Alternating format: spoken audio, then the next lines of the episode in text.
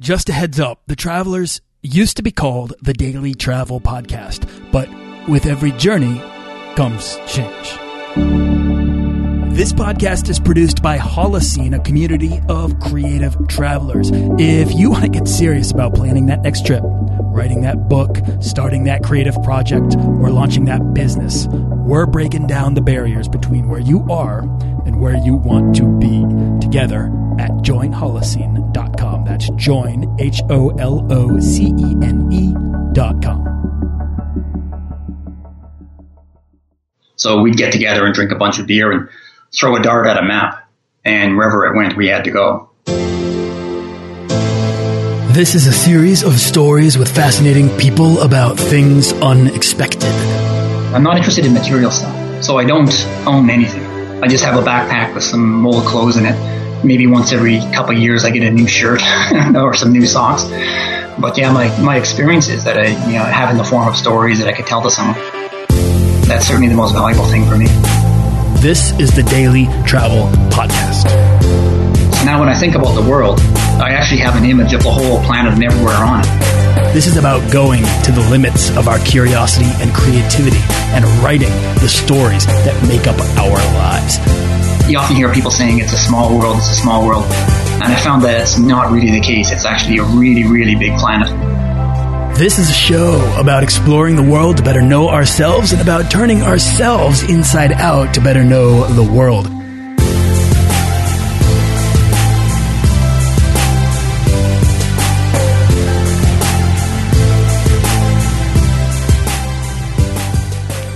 Twenty-three years of adventures spent wandering the world has led Michael Bown to visiting every country and every region on Earth, from war-torn Mogadishu to living with pygmies in the Congo. All of this giving him credence to lay claim to the title of the world's most traveled person in human history. So this is not simple. Hitchhiking, multiple arrests in foreign countries, multiple bouts of malaria, uh, all of that, I think, lends itself to Michael's story. It's complex, but that's the point. It's the willingness, I think, to endure challenge and the kindness of the strangest of strangers that delivers the story that we're looking for. And today we're going to get to know Mike Spencer Bown. Uh, it all ended in Ireland before retiring to Vancouver, where Mike is now, and he's joining us right here on the call. So, Mike, thank you so much for coming on the show. Oh, glad to be here. Did I pronounce your last name right? I just want to be sure. Uh, it's bound, but I go with Bone as well. You know, I'm sorry. I, don't actually mind how people say my names. even you know, even for my first name, if I can be Miguel, Mikael. Oh, that's interesting. All right, see, that's perfect. It's and I think you have to be able to roll with those punches, especially if you're going to go and travel to every country and region in the world. Um, let's step back before we even get into sort of the monument of that. And instead, you know, I shared this fact about you, but I want you to introduce yourself. Um, take us back. Where are you from, Mike? And how did you get started traveling? Well, I'm from Canada originally, but from all over Canada since I was always traveling around when I was younger. And I guess I'm coming. I came to traveling when I was very young, early twenties. But from I was more used to extreme wilderness experiences. So I used to go out and uh, live alone off the land for five, six months without seeing any humans or speaking to anyone, and uh, just be uh, doing a whole bunch of hiking. You know, several hundred kilometer hikes, this kind of thing. And eventually I got interested in doing, seeing the ecosystems and wilderness of other countries. And finally I got more interested in the people. And so I just kept on traveling. And from my point of view, it was actually a step down in terms of danger level to go from the wilderness stuff I was doing to the foreign travel.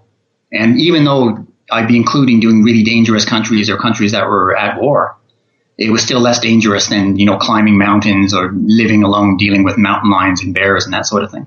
So it's more like I was sort of relaxing into a, a, uh better lifestyle that way. Mike, so going from living transcontinental, uh, being transcontinental Canadian, and then uh, uh, these extreme wilderness experiences, I would imagine all across Canada. I mean, how did you get into that? Was that something that you were exposed to as a kid? Yeah, I think so. I mean, my stepdad was used to take me out camping quite a lot, and I had a lot of friends who wanted to hunt and fish and stuff. And finally, I, I uh, met a um, well, I had a, a Cree native Cree friend who liked to do a lot of uh, really extreme outdoor stuff. So we'd get together and drink a bunch of beer and throw a dart at a map, and wherever it went, we had to go. So we'd end up in the most crazy circumstances, and we'd usually do it without food to make it a bit more of a, of a challenge. And then uh, later on, I was hanging out with some Russian anarchists um, from the Sons of Freedom cult who used to bomb the government uh, quite early on. But I had a friend who was from that, and his his dad was like an anti-government terrorist, but he'd given that up, and uh, he was actually a very peaceful guy. But he was really interested in doing stuff outdoors as well. So you know, we'd be traveling along through different valleys through British Columbia or Western Canada, and then I got into just living for really long times alone in the wilderness because it's very. I found it very interesting what happens mentally as you go into bush mode so, you know, eventually, I'm not sure if you, have ever done a lot of time alone in the wilderness, but, uh, you know, after a while, yeah, it really changes your mentality. Like, for instance, you lose a habit that's, uh, you don't even remember you have. And that's the habit of compressing your thoughts enough that they can be conceptualized and you can make them into words. And there's costs and benefits for things, even such as that. And one of them is you have a much less powerful understanding of your immediate environment, even though you're able to talk about it. But if you're alone in the woods a lot, you can no longer speak or form concepts, but you have a really powerful intuitive uh, understanding of what's going around. Like you're, you know all the animals, and you know you can even you can hear like an animal half a kilometer away, and you can tell by how loud its uh, legs feel going through the brush that it's a particular size of deer. And then you you know without surprise when you see it you know come around a tree. So you're just constantly aware of uh, what's going on and and you know, if you hear squirrels, you know, painting something with noise, you even know what it probably is and what direction it's going in. And you're real time aware of all these things around you. So it's a really interesting state of mind. So I explored that until I was felt I knew enough, which, you know, I was probably about 20 by that time.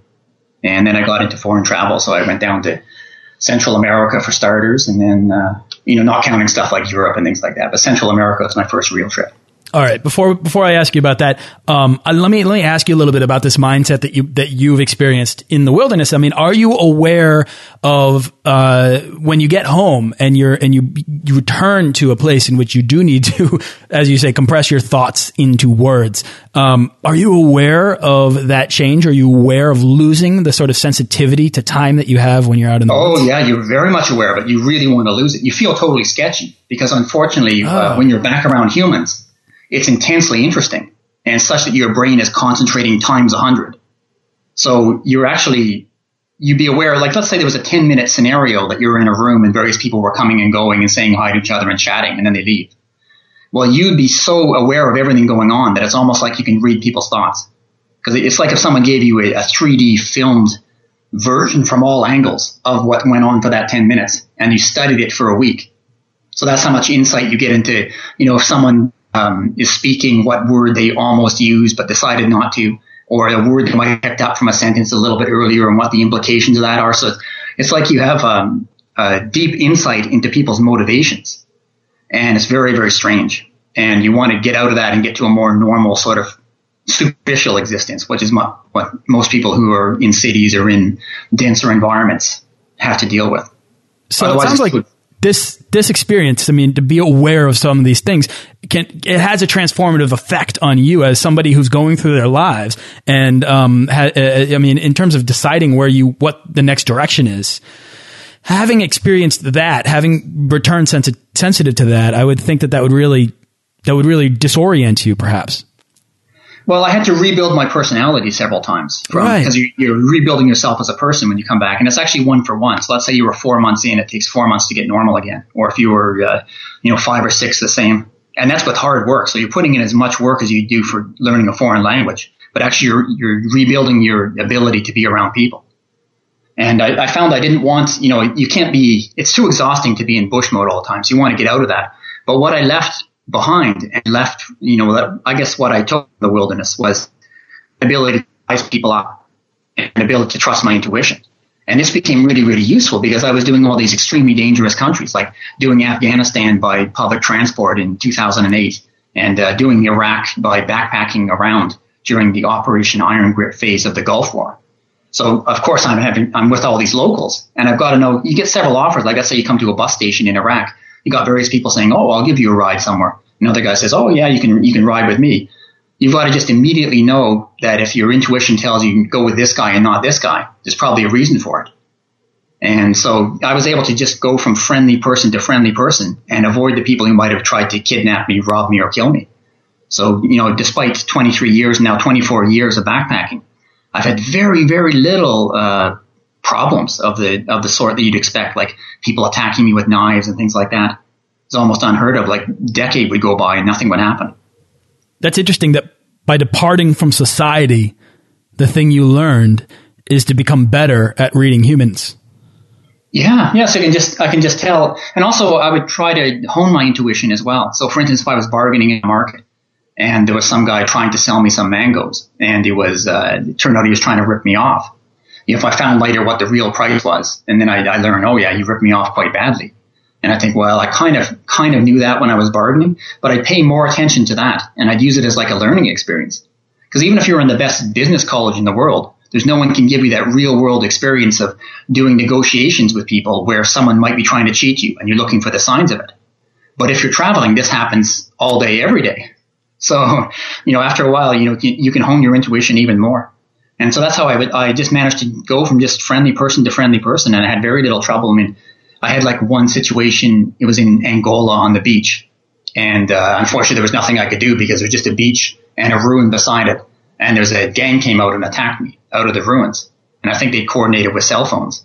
And so they, they were just bag grabbers and they managed to grab my bag. There's not much you can do. Like I, there was, uh, three of them and one of them trying to grab my bag. The other two are punching me in the head and trying to wrestle me. And it's impossible to defend a bag under the circumstances. And then I had another one in Algeria where, uh, like, uh, I was quite ill and not really paying attention. And there was a group attacked me from behind and managed, you know, one of them put me in a headlock and one of them grabbed the bag and ran. But other than that, you know, imagine it's now been 24 years of traveling around. That's my only complaints, nearly nothing. That's interesting. So it's really only a couple, couple small minor, uh, uh, altercations. Otherwise, it's been a pretty safe experience to travel just about everywhere, and this includes war torn regions and places that are absolutely terrifying to the common traveler to even think about going. Yeah, some of them everyone was telling me, including the head of USAID in um, Rwanda was telling me that I'd be immediately killed if I tried to hitchhike through the Rwenzori Mountains where the genocidal Hutu rebels are hanging out, and then try to go by motorbike um, a thousand kilometers into the Congo jungle. And you're saying you'll be instantly killed if you attempt this. And then the UN was trying to stop me as well, trying to force me onto a plane, saying I had to um, fly across the Congo, which of course then I'd miss, you know, hanging out with the pygmies and everything I wanted to do. So I had to sneak around them and got out hitchhiking uh, in the daytime, and luckily they didn't see me. And an old Isuzu truck uh, picked me up, and it was carrying spare tires that the guy wanted to sell in a pineapple picking village on the other side of the mountains.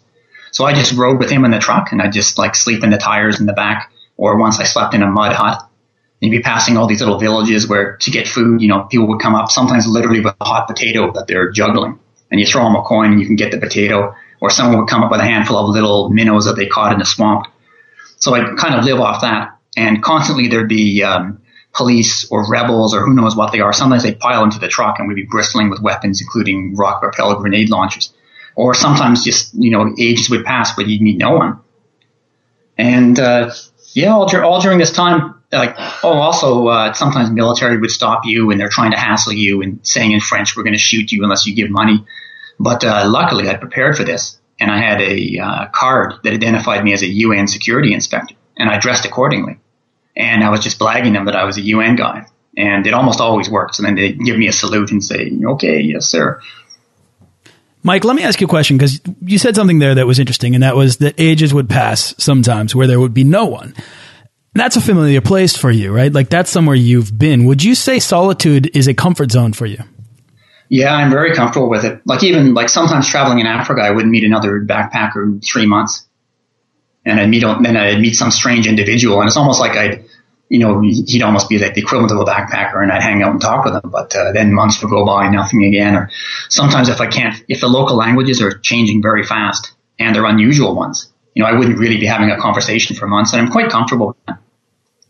I think that that's one of the interesting things. I mean, I had a guest on here who pointed out that she feels most at home when she's sitting in a foreign place on the side of a street or, you know, out, out, um, in, in nature and she's painting. And she was like that. I suddenly felt home doing that. And once I figured that out, then I knew that I could travel because everywhere I went with a paintbrush was home. Uh, it's really about finding homes, finding comfort within these places that are otherwise uncomfortable. Maybe that's not something that everyone can do, but I think it's a unique characteristic that is shared by a lot of people who find the ability, the patience, and the energy to persist on the road?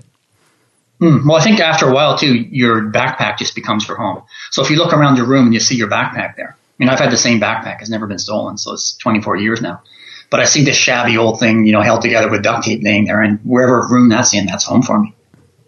You know, rather than plug yourself into society back home, you've obviously chosen to continuously leave over and over again, or just stay out there. Um, and for solitude to be a uh, a comfort zone for you, I mean, is that something that you are looking for on the road, as in kind of direct contrast to being a part of society? I mean, is that something? And, I'm, I'm actually really of, social, so I'm comfortable with solitude, but I'm comfortable also with extreme sociability. Like, for instance, whenever I go through Europe, I usually go to um, uh, underground parties or raves, things like that. And some of them have thousands of people where, you know, they squatted a big building or, or uh, once I went to the uh, UK Teknival where they took over a um, old World War II air base in in Cornwall, and there was twenty thousand people there, and including hundreds of my friends. So I'm quite comfortable with that as well. You know, I mean, it's it's kind of that advice. Uh, if you're ever stuck in life, travel. I mean, I think travel affords us uh, the ability to explore um, not just the world, but ourselves, right, and our identity. And the thing that really struck a chord with me about what you had to say about spending time in the wilderness is that you had to always rebuild who you were around people when you got back. Um, and I, I, mean, is that something? I mean, is it this idea, this sort of bush mode mentality? Is that something that you can um, look for on the road? I think you could you could manage. I mean, I'm, I'm glad I did so much uh, bush time before I went out because it really gave me like an advantage, especially if we're doing dangerous countries. But if you're doing normal countries, I don't think you really need to prepare as much, and it's, it's possible to just go and meet the different people. And I found that um, uh, at first you're thinking about how different people are, but then after you know over a decade or, or more, eventually you, you kind of get to know what humans are like. So there's different um, different ways that humans behave, and it's uh, it's pretty uh, standardized across the species. So you can get a really a good feel for what humans are like, and they are, you know, almost identical. There's not a lot of racial differences or anything. You have a great quote on your website that's your own, and I'm going to read it here so that uh, so that I make sure to get to it um, and share it. And that's good people greatly outnumber nasty people worldwide. There's a network that existed long before Facebook, and it is the network of persons of goodwill who will introduce and pass you to other persons of goodwill, such that you can take a friendly look around a town, a nation, or the world as you like. There is no similar network among nasty people. They are on their own. And if you know what is good for you, leave them alone. I love that because that those are words that have come from someone who has experienced both sides of that coin.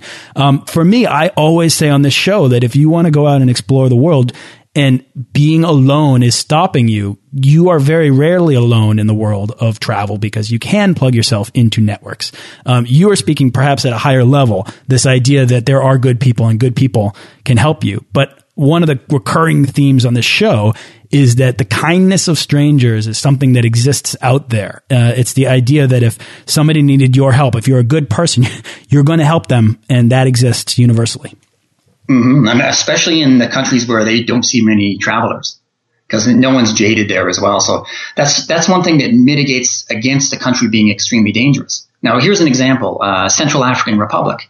At the time I was going there, I flipped through and looked at the guidebook and it said, you can't do this country except as a bungee jump. You can fly in, take a hotel, fly out of the capital. And I thought, hmm, you know, I'm going to test this by trying to hitchhike across the border and then hitchhike all around the country and out.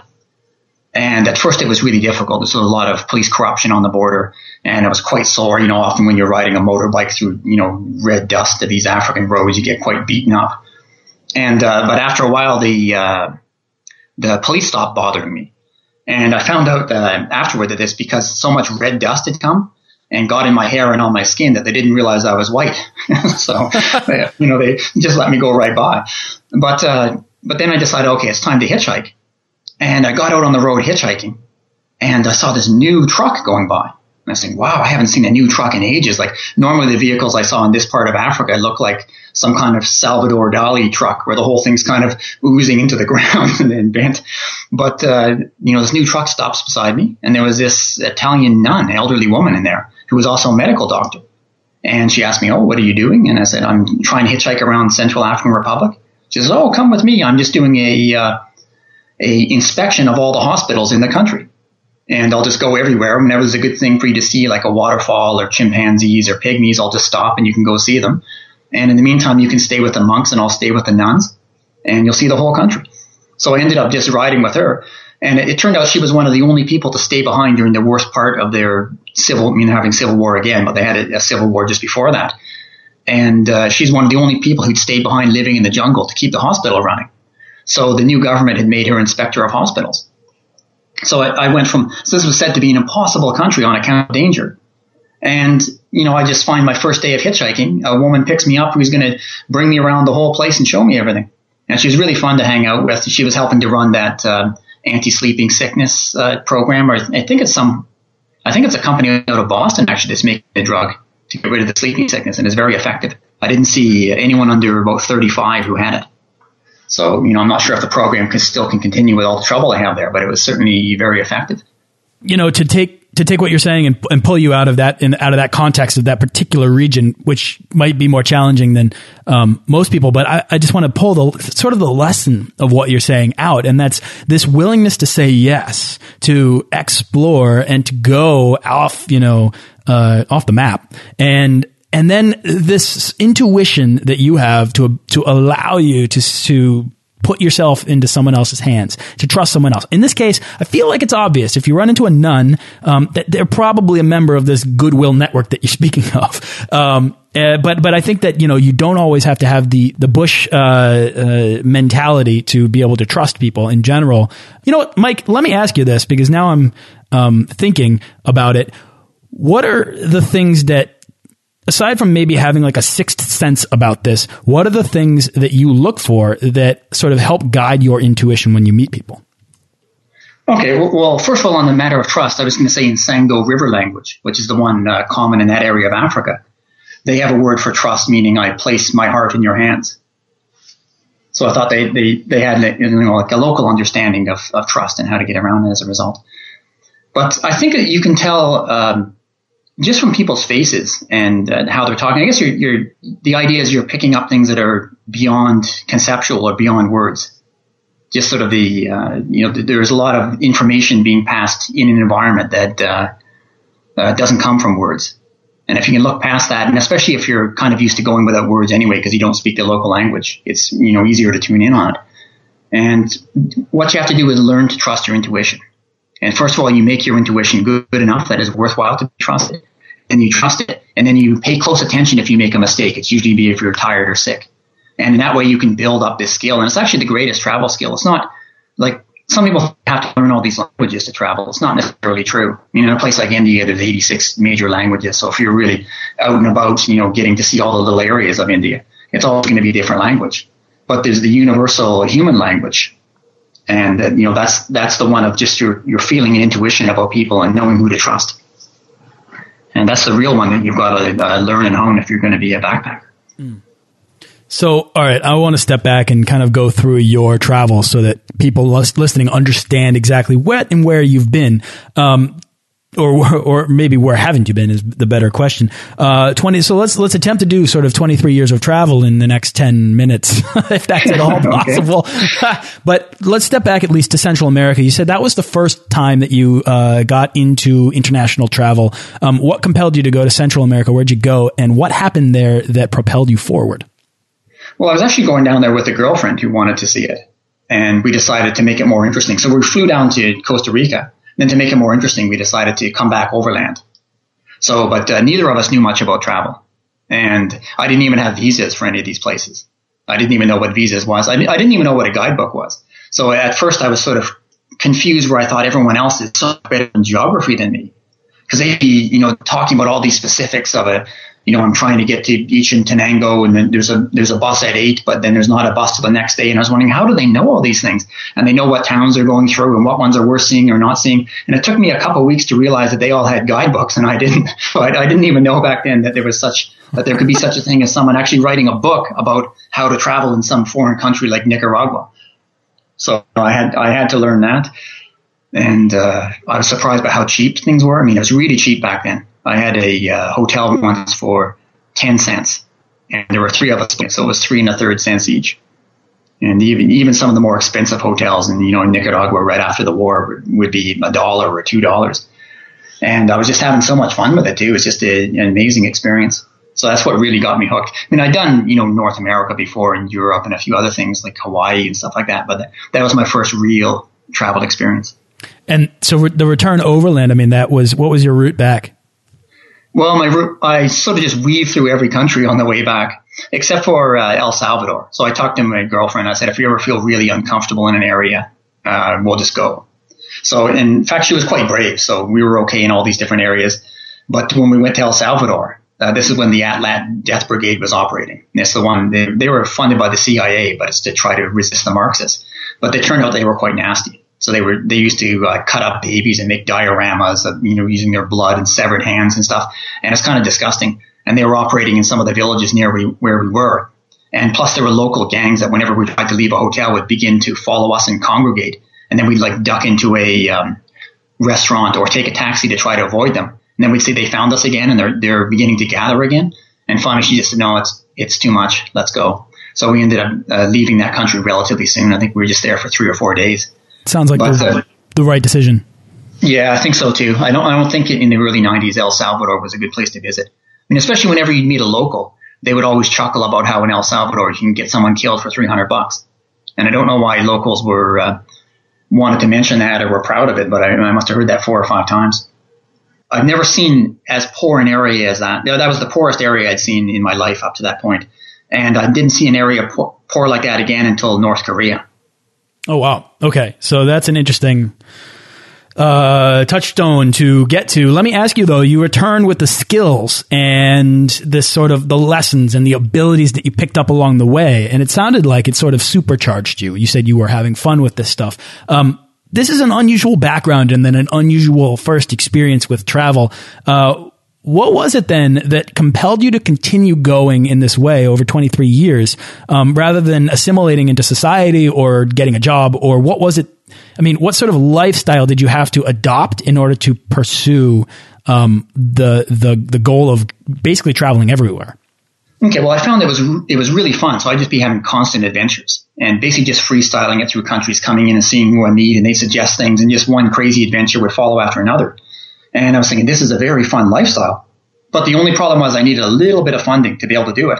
But I found I could just do that through traveling. So, for instance, you know, I, I was once going through Southeast Asia, and I met this guy named Dewada, and he was a carver of wooden chickens and I looked at his chickens and I was like, wow, these are amazing. And he said, yeah, my whole, the whole village helps me, but I finish them off and I make the designs. And I looked at how many he had and uh, I said, what's the cost for this chicken? He goes, a dollar and a half. And this one, the biggest one was seven and a half dollars.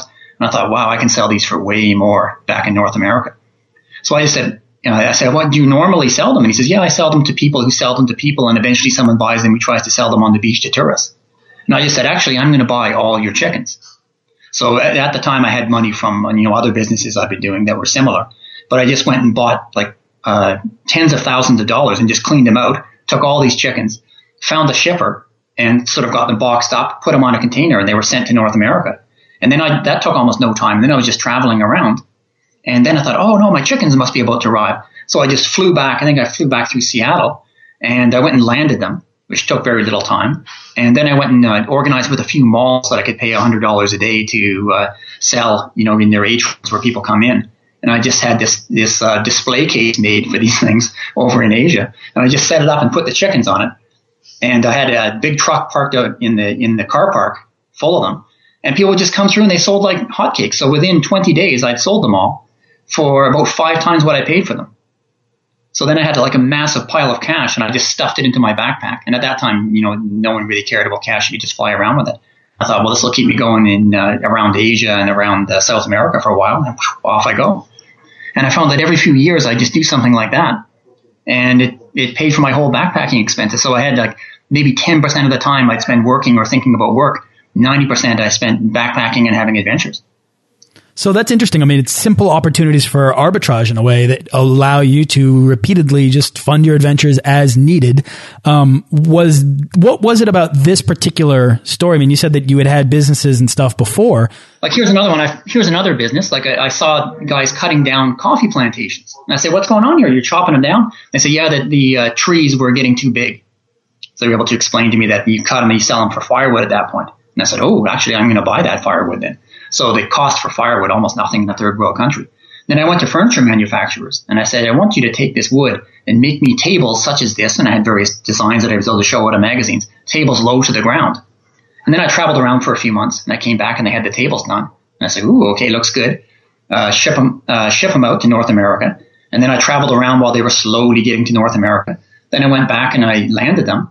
And then I'd go to places that might be likely to sell this kind of furniture. And I say, oh, do you want to buy these uh, tables here? I say, oh, I don't know. What do you want for them? And I say, 40 bucks. And they say, well, uh, hmm, don't know if I want to spend 40 bucks for a coffee table.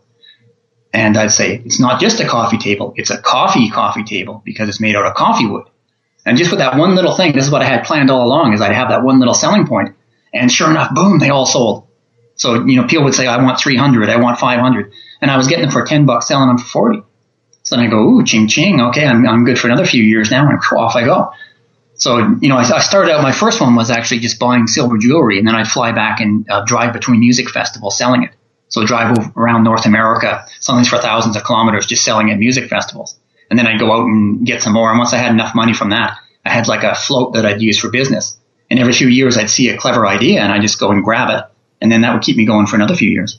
You know, it's really interesting. I mean, this is a sort of practice that is existent on the internet. It's like a lot of people are writing books about how to set up drop shipping businesses or how to set up Amazon stores to sell stuff that they're sourcing from directly from factories and then selling at retail price, right? I mean, it's, that's basically what you're doing, except there's this amazing element of travel and there's this fascinating story that exists in the things that you're discovering along the way. Um, my question for you though is that this is pre-internet and ahead of this conversation you mentioned you, you know you're not super technical so where did you get the confidence that you'd find buyers? I mean, where did this sort of entrepreneurial mindset come from? Ooh, that's kind of hard to say. I mean, I guess there's always been entrepreneurs in my family, so it could have come from that. I was always used to the idea you just make a plan and then it's it's kind of fun just to have the plan and to see if it works. I mean, sometimes it doesn't, but uh, it's uh, just a fun thing to do. And uh, I guess I'm kind of comfortable with calculated risks as well. Like I'm, I'm even, I'm not the sort of person who would go and actually pay for bungee jumping or something like that. I, I want a little bit more out of my risk. So I'd, I'd rather go and think, oh, can I do this plan? And then go and do it. And whether it's a plan for some kind of country where people say you can't possibly travel here, it's too dangerous, or whether it's a plan for business, it's all good. But I, I wanted to, you know, make sure my life was heavily weighted toward the traveling aspect and not toward the business aspect. Yeah, you know, I mean, did the challenges of travel lead you to feeling more comfortable with taking these calculated risks? Uh, I, th- I, think so because sometimes the traveling was quite challenging. Like for instance, uh, doing Iraq was one of the more challenging. Um, Afghanistan as well, both Congos. There's a few other, few other countries that were as well. I mean, even Cambodia. You know, people forget that Cambodia used to be an extreme travel destination. Like for instance, when I first went in there, I talked to my buddy who just come from there, and I said, "What's it like?" And he says, "Oh, it was pretty rough. I uh, got robbed with a guy with a 30 caliber machine gun." And then in the streets of Phnom Penh, guys were blasting each other with rocket propelled grenades out in the street in front of my hotel.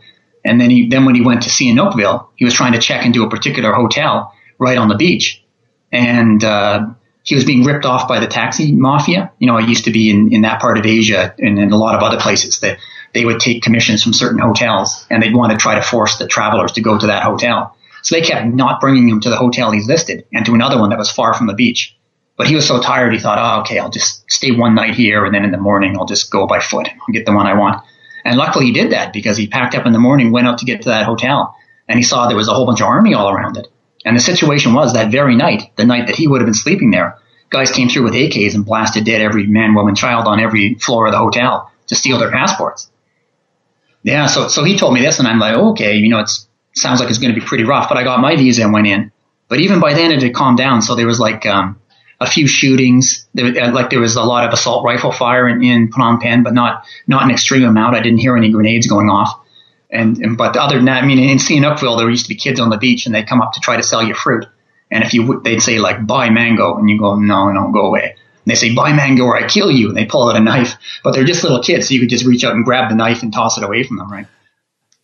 That's sort of heartbreaking in a way. I mean, uh, obviously, this is from maybe a previous iteration of Cambodia. It's not something that's widespread now. Guests on this show have expressed a couple times, I think, that there is still a deep sadness, I think, hidden within the people there um, of everything that's happened. Oh, that's sad, sad to hear. I mean, I haven't been in Cambodia in a while, but I thought they would probably make some improvements. And they certainly couldn't go down anymore. They were at rock bottom. Right. Yeah. No. I mean, I think that it's a it's a safe and accessible country with amazing temples and people. Um, it it seems to be a bit of an enigma because their dark history it's so recent. Yeah, it's true. I mean, Burma was similar as well. Here, I'll tell, you a story about Burma because everyone's so technical now. I mean, everyone's got all this communication, everything going on.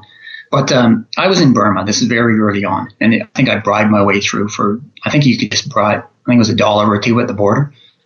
But um, I was in Inle Lake, that place where the people have the extreme balance, where they, they float around on these boats, and they're not even uh, sitting in the boat; they're standing in the boat, and not even not even actually in the boat. There is like a little flange of wood that comes off the back of it, and they're standing there on that flange of wood, and also not standing with both of their feet, only one of them, and their other foot is actually holding a paddle and paddling them around, and they've got these floating gardens of tomatoes and whatnot.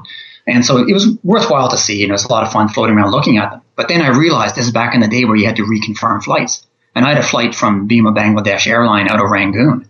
And I thought, oh no, I've got to reconfirm it. Okay, I got to get back to the shore. So I go back to the shore where they grow a lot more rice. And I was talking to the people there saying, um, does anyone have a phone? And people go, mm, not really. And they're just pointing north.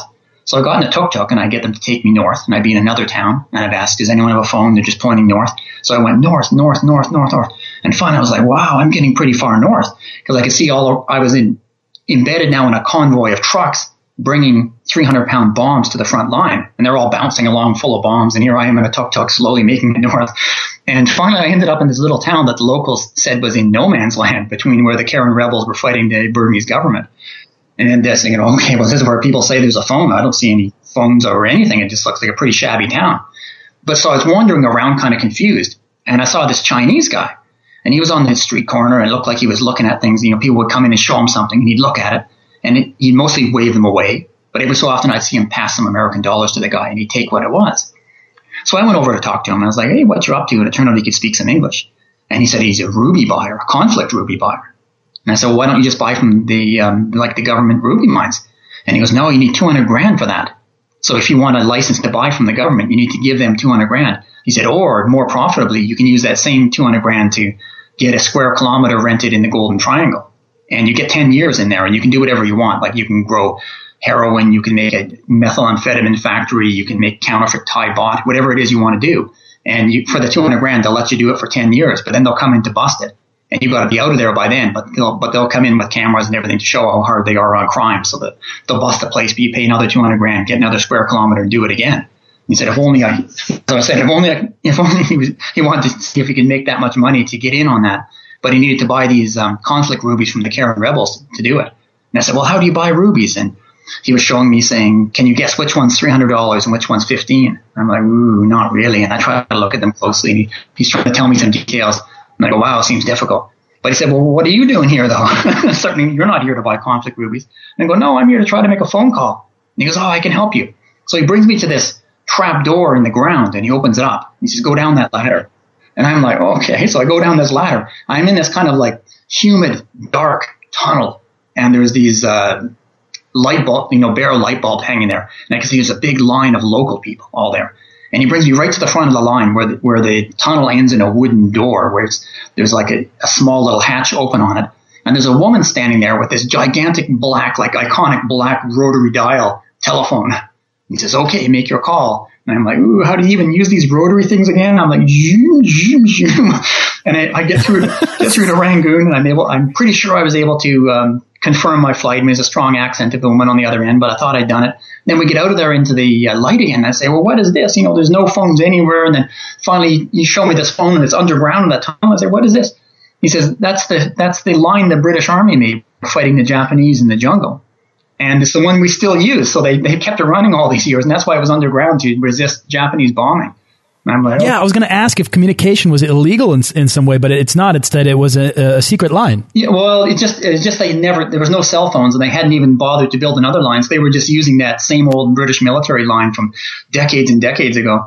So it just shows you how hard it could be to try to communicate sometimes. I mean, I mean sometimes this is such a this story is such a film set experience. I mean, it did not sound like a real place. It's this sounded like the sort of thing that was a, a, small adventure in and of itself. All it was was a conversation followed by a, a ladder and a trap door and then an old rotary phone. But it's amazing the story that kind of comes out of this that you're able to now tell. Yeah, well, that's what I like about travel is I would have just constant, like this would be a typical experience for me. And I just have these kind of things just stacked together. And that's been my life. So I've had almost no downtime, I guess you call it. The small things from the road can seem so fascinating or so um, detail oriented in your mind when they're foreign. Mm-hmm. Like here's another story. Like for instance, I was in. Um, uh, let me see what this. Story. Okay, so I was in the uh, central Central Asia near the uh, Chin Chin Mountains, and there was this uh, it was a woman who used to work for the American embassy, but she started a tour company. She's like, "You want to go on a tour?" And I said, "Oh, I don't know if I'm really up for tours."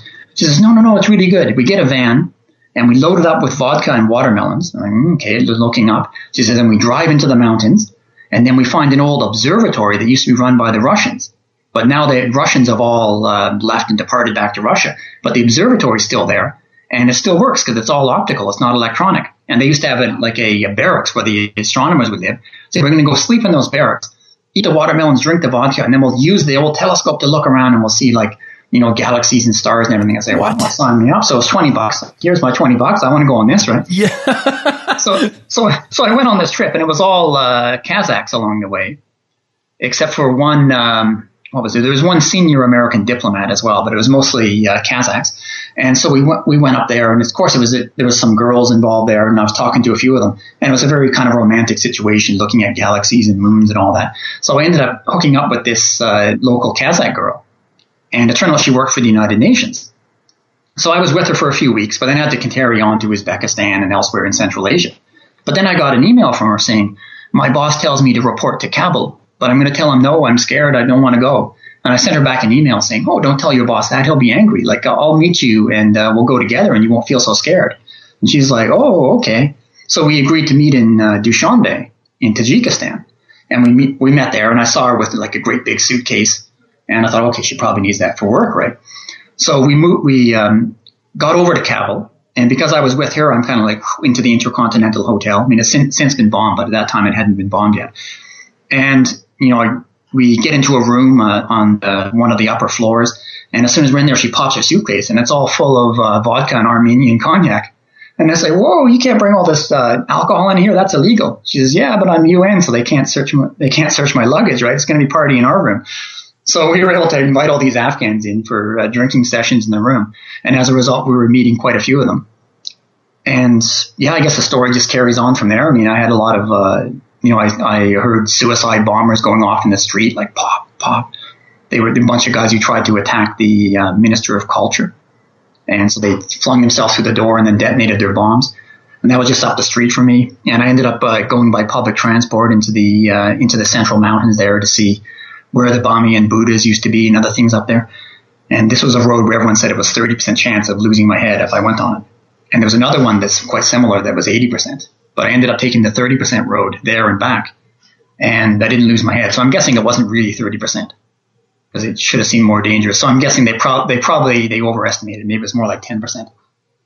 But yeah, I got, I got through it and I got to see all these fascinating things. Yeah. Yeah. I mean, Mike, you clearly are a storyteller and you're clearly sort of chasing the story. I mean, whether or not it's just trusting your instinct and finding that these things happen. I mean, I don't think uh, uh, like the stories that you're that you're telling. I mean, they're not they're they're they're so uh, uh, adventurous and they're so maybe um, sublime, but uh, I think that they're attainable. They're attainable for anybody that wants to go out, put themselves into a foreign environment, and just interact with it. Because if you poke that box, stuff comes out that is new, and these new experiences make for great stories. Would you say, Mike, that your stories are your proudest possessions? I think so, yeah. I like to collect experiences. I'm not interested in material stuff. So I don't own anything. I just have a backpack with some old clothes in it. Maybe once every couple of years I get a new shirt or some new socks. But uh, but yeah, my my experiences that I you know have in the form of stories that I could tell to someone. That's certainly the most valuable thing for me. Is that what sort of compels you to continue traveling? I mean, once upon a time, did you say, "Wow, if I keep going, it will make me uh, a, a, more interesting person"? Not even necessarily to other people. I mean, even to yourself. See, I, I found it was just uh, really, really fun for me, and I'd find it if I was just like living in some place and just going to work nine to five and not having any adventures. I think it'd be very boring. Because from my point of view, I only get one chance to live, and I want to make the most of it. And I think that living in one place and just going to work and coming back, that's covered. I mean, there's seven billion people on Earth. I'm sure that six point something billion are already doing that. So I want to do something different and a lot more fun. And I found like like I could tell that story. I could just keep going on telling the story because it just it just goes for years and years and years of just constant fun and adventure. You know, there's a wonderful correlation I think between doing fun things uh, confidence and having these stories that fascinate people back home. Uh, and I think that's a that's a really interesting thing, Mike. I need to ask you before I begin to wrap up this conversation: is at what point, at what point did it become a quest for you to pursue every country and every region? Okay, well, I, I always had this idea that I would uh, see all the countries, but I was very naive. This is before I knew how how time consuming it was. And then I, I, sort of dropped that after the first few years and thought, well, I'm just going to have fun and see where it goes. But uh, after a while, I, I, was, you know, just looking at a globe going, wow, I've seen a, a great deal of it. And I thought it might even be doable to carry on. And then after I'd done Somalia, uh, the news that I'd done Somalia as a tourist went viral. So then there was so much interest in that. Then I was thinking, well, it wouldn't be too much extra effort to just do the whole world and see if that might happen again. Because it was kind of fun when it did, because I got offers to write books and stuff like that. And I thought, well, that could be the, the next step for me is to write a book and try to sell it. So that's what I'm doing right now. I'm uh, working on a book. So, you know, to, to actually see all the countries, it's, I mean, it's a lot of fun to see countries, but to see all of them, it just required a little bit of extra effort because there's probably, you know, there's very few countries that I didn't want to see. So it only takes like an extra month to have seen them all. So I, I put in that extra effort just because it's it's something fun and uh, people on the internet are interested in that kind of thing. I mean, for me, it's not really important because I'm I'm more interested in the adventures and whatnot. But I did pop into some of these places that are are countries, and I was passing nearby even if they weren't interesting. So I managed to get them all done. Isn't it? I mean, it ha- yeah, it must have been a deliberate decision at some point when you. I mean, did you look at a list and say, okay, I've done 150, I might as well go for the rest? Yeah, it was like that. And, pl- and, plus, I see what I had left, and I thought most of it is interesting. Like, for instance, Guinea Equatorial, you know, given the trouble to get in there, and it's just like, you know, it's only famous for, like, what did I see when I was there? Like, expensive hotels and flocks of smelly bats and dictators. Like, it wasn't really all that interesting. So there's, there probably is like five or six countries I wouldn't have bothered with. And I'm not sure if I would want to name them, name and shame them, but, uh, but most countries are really interesting. So it's it's well worth it. And of course now I've just carried on. So you know I've seen a lot of countries more than once. Some of them I've seen seven, eight times, even ten or fifteen. So I just carried on for the last year, just visiting countries I've already seen before and having fun. I mean I was over in uh, Ukraine uh, last year for last summer. So I was on the Maidan Square with all the protests there and people battling the police. And finally the police were able to uh, evict the protesters because you just had like a residue of protesters who just wanted to protest, even though they achieved their objective. And it's just kind of fun to be amongst that and see what's what's happening. Uh, in this case, it was politically and socially, but uh, even uh, culturally is interesting just to explore Ukraine at the time. So yeah, it's it's still fun that's it. I mean, it's still fun and it never really runs out because the newness is constantly out there waiting for you to uncover it. Mike, in a society, I think that sort of insists that you play it safe, that tells you to stick to a job and to, uh, you know, keep your cards close, close to you. What sort of opportunities have come from eschewing that advice and instead pursuing fun, pursuing the things that make you happy, pursuing adventure or your bliss? Well, I guess the main thing is I've I've got to learn a lot about about the world. So now when I think about the world, I actually have an image of the whole planet and everywhere on it. And if I, it's really uh, easy to remember history or matters of politics or culture because whenever someone's talking about a city or a country or an area, I've been there.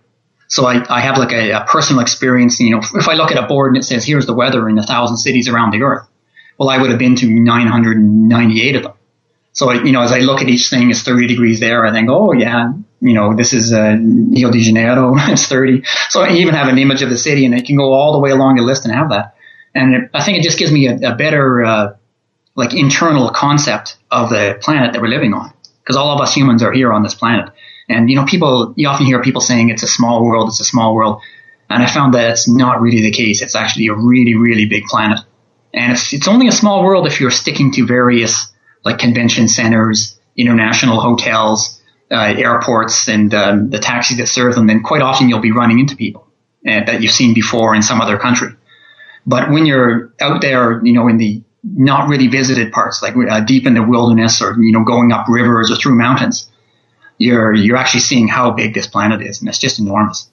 I love that. And it's something to continuously strive to find and to explore and to look for the things. I mean, what is the thing, Michael, that you're looking for when you plan or uh, execute on a trip?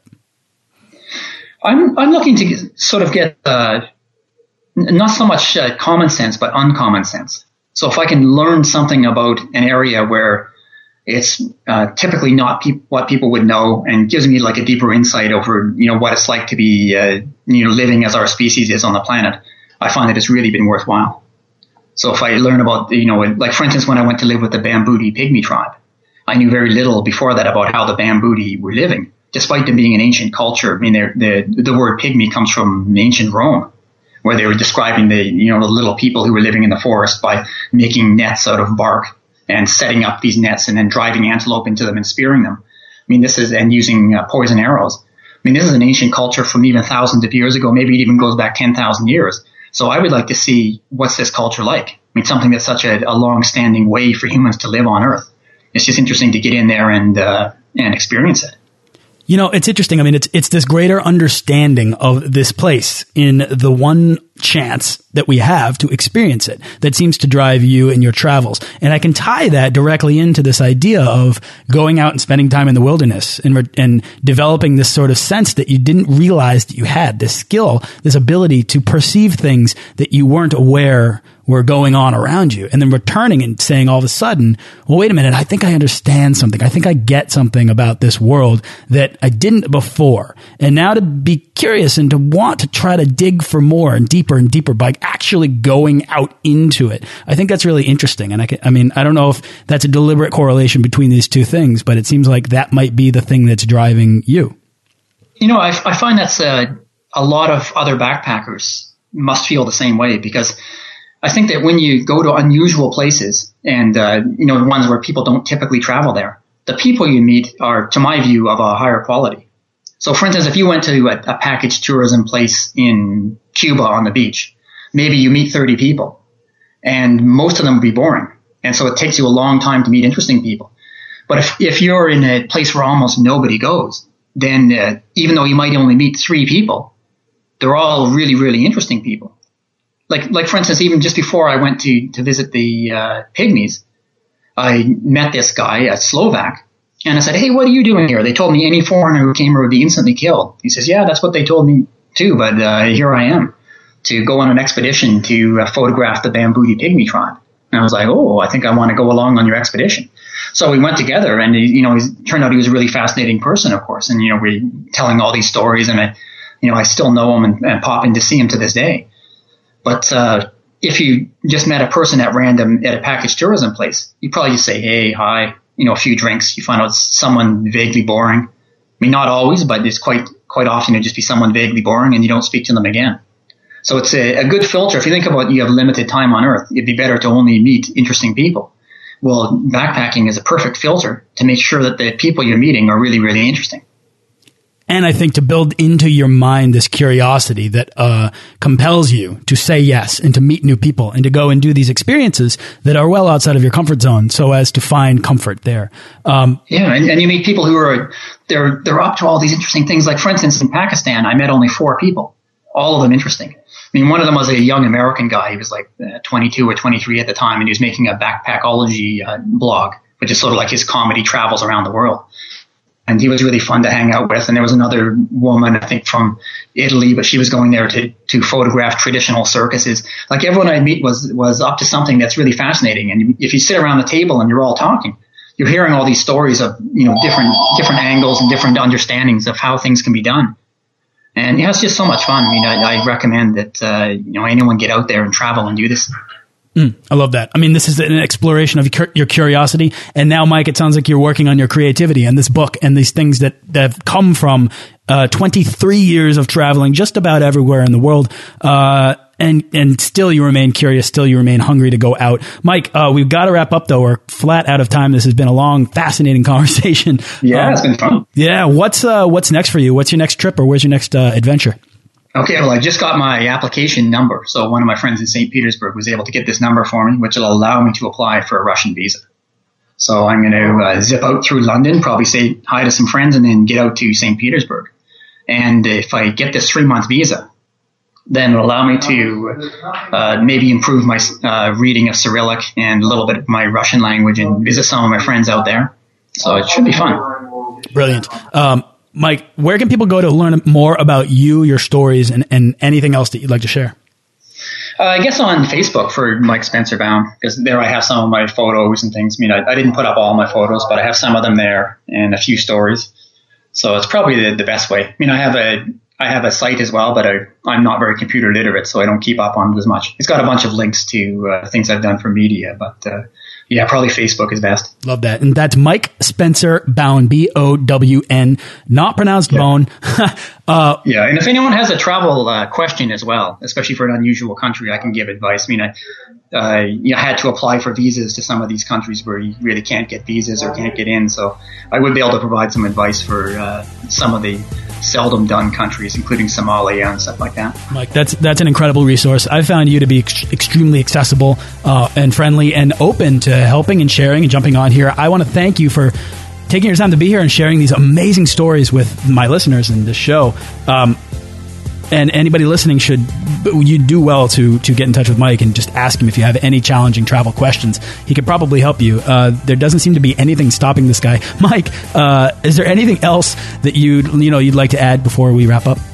Uh, no, I think that's pretty good. I mean, we, we covered a lot of stories. I wish we had more time, though. It's been a lot of fun talking. Oh, good. Yeah, I do too. I mean, this, you had some good, good insights as well, though. But uh, I guess you've done a lot of travel yourself. I have, and I think it makes you. I mean, to me, travel is exercise for the imagination, and imagination is maybe life's greatest skill set. So I love to talk to people that have gotten out there and have been affected in this way, uh, and and want nothing more. They get hungry to go out and strengthen and, and, and explore not just the world but themselves.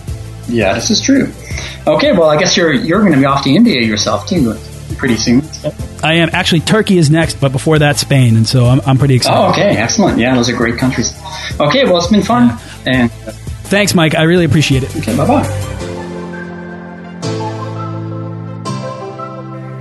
Thanks for listening to this episode of the Daily Travel Podcast. For show notes and links to everything in this episode and more, head on over to dailytravelpodcast.com. Join our Facebook page of explorers and subscribe to our newsletter for the best deals and resources to help make your next trip life changing.